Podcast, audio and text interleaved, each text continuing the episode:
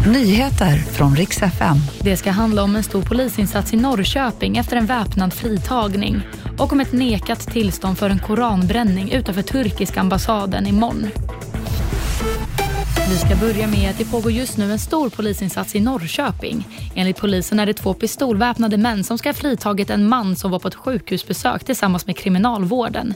Ingen person ska ha skadats i samband med fritagningen och de två männen tillsammans med brottslingen ska sedan ha blivit upphämtade i en röd bil. Mannen som fritagits är enligt Aftonbladets uppgifter i 20-årsåldern och nyligen dömd till 10 års fängelse för ett grovt brott. Vi går vidare med att Stockholmspolisen har nekat ett tillstånd för en koranbränning utanför den turkiska ambassaden. Det här rapporterar myndigheten för SVT Nyheter. I dialog mellan Säpo och polisen har det bedömts att den allmänna ordningen och säkerheten inte kan garanteras. Slutligen ska det handla om den amerikanska versionen av Eurovision Song Contest som blev ett fiasko i fjol. Nu har Christer Björkman meddelat att American Song Contest inte kommer att bli av i år. Förra årets tittarsiffror var mindre i hela stora USA jämfört med Melodifestivalens tittarsiffror i betydligt mindre Sverige.